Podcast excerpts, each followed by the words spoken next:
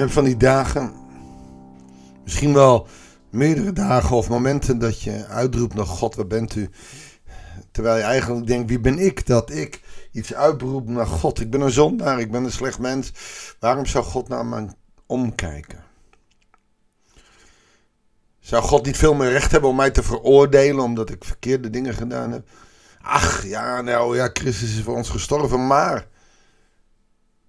Weet je hoeveel mensen er op een of andere manier op die manier mee worstelen? David ook. David heeft vele van die emoties. De ene keer is hij een godsvruchtig man en sterk in zijn geloof. De andere keer zo afhankelijk als wat. En misschien zijn die afhankelijke wel de meest belangrijke. Psalm 143 die we vandaag gaan lezen is een zogenaamde boetepsalm.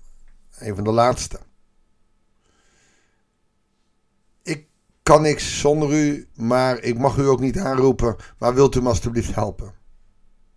Het is een schreeuw om gebed, terwijl hij weet dat het niet aan hem is. Dat is iets wat wij mensen van David mogen leren. Met bescheidenheid zeggen, waar haal ik het lef vandaan? Om de ontzagwekkende God te storen met mijn verlanglijstjes. Aan de andere kant, ik mag het ook gewoon doen, want hij heeft het toegestemd. Laten we maar eens gaan lezen wat David deze psalm wil. Goedendag, hartelijk welkom bij een nieuwe uitzending van het Bijbels Dagboek. Ik merk op dit moment dat mijn stem wat overslaat.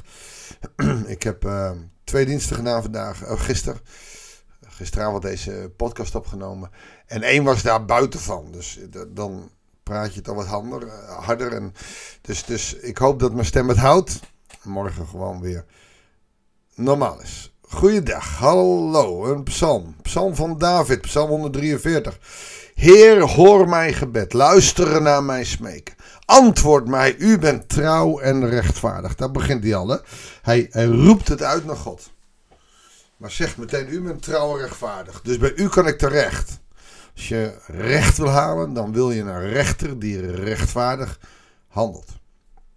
Nou, in Nederland is dat redelijk goed gedaan. In andere landen willen we wel zeggen dat je soms zegt, nou, ik ga naar een andere rechter, want... Kan niet altijd, hier kan het wel. Uh, maar bij God zegt hij, u bent trouw rechtvaardig. Ik weet dat ik bij u terecht kan. Maar dan meteen vers 2, daag uw dienaar niet voor het gerecht. Want voor u is geen sterveling onschuldig. Bam. Daar zit hij meteen bij de diepste uh, diepte waar hij in kan zitten. Ik ben schuldig voor u. En toch roep ik naar u. Want u bent trouw en rechtvaardig. Ik weet dat ik het niet verdien. Feitelijk gaat dit hier al hebben over genade. Niet over het genade van het kruis, want dat komt pas later. Maar je zou hem er heel goed naast kunnen leggen. Daag uw dienaar niet voor het gerecht, ik zou verliezen. En toch, hoor mijn gebed, luister naar mijn smekingen. De vijand heeft mij vervolgd, mijn leven vertrapt in het stof. Ik moet wonen in duisternis, als de doden van eeuwen her. Ik ben ten einde raad, geschokt tot diep in mijn hart. Ik, uh, ik moet denken aan het voorbeeld wat ik uh, afgelopen zondag in mijn diensten had. Ik had een briefje van 50 bij me. En ik vroeg wie dat briefje van 50 wilde hebben. En dan gingen vele vingers omhoog. Toen heb ik dat briefje van 50 gepakt en helemaal verfrommeld in mijn handen. En vroeg wie wilde het briefje van 50 hebben. En alle vingers gingen weer omhoog. Toen heb ik het op de grond gelegd, vertrapt. Opgepakt, verfrommeld als het was, gevraagd wie wil dit briefje van 50 nog steeds hebben. En iedereen die zijn vingers opgestoken had, heeft dat drie keer gedaan. Waarom? Omdat, ook al is het rommelig, de waarde van het briefje blijft 50 euro. En die 50 euro is de waarde van het biljet. Jij, mens, luisteraar van deze podcast, jij bent waardevol.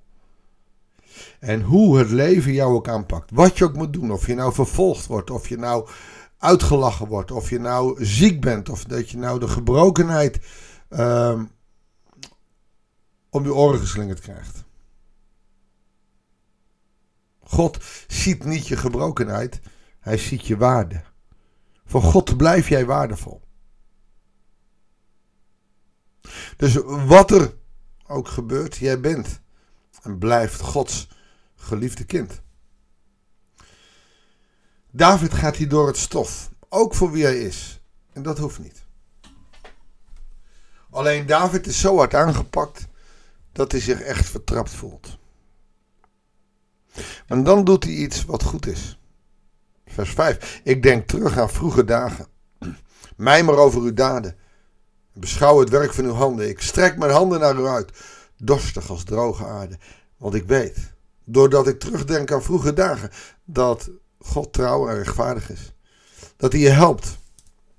Dat hij je niet in de steek laat. En dat geeft David klaarblijkelijk hoop. Hoop die hij nodig heeft om door te bidden, om door te leven. Heer, geef mij antwoord, haast u, mijn kracht is uitgeput.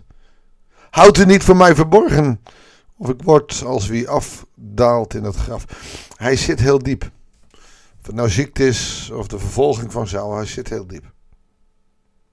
Laat mij in de morgen uw liefde horen. Oftewel, ik roep nu en morgen wil ik antwoord.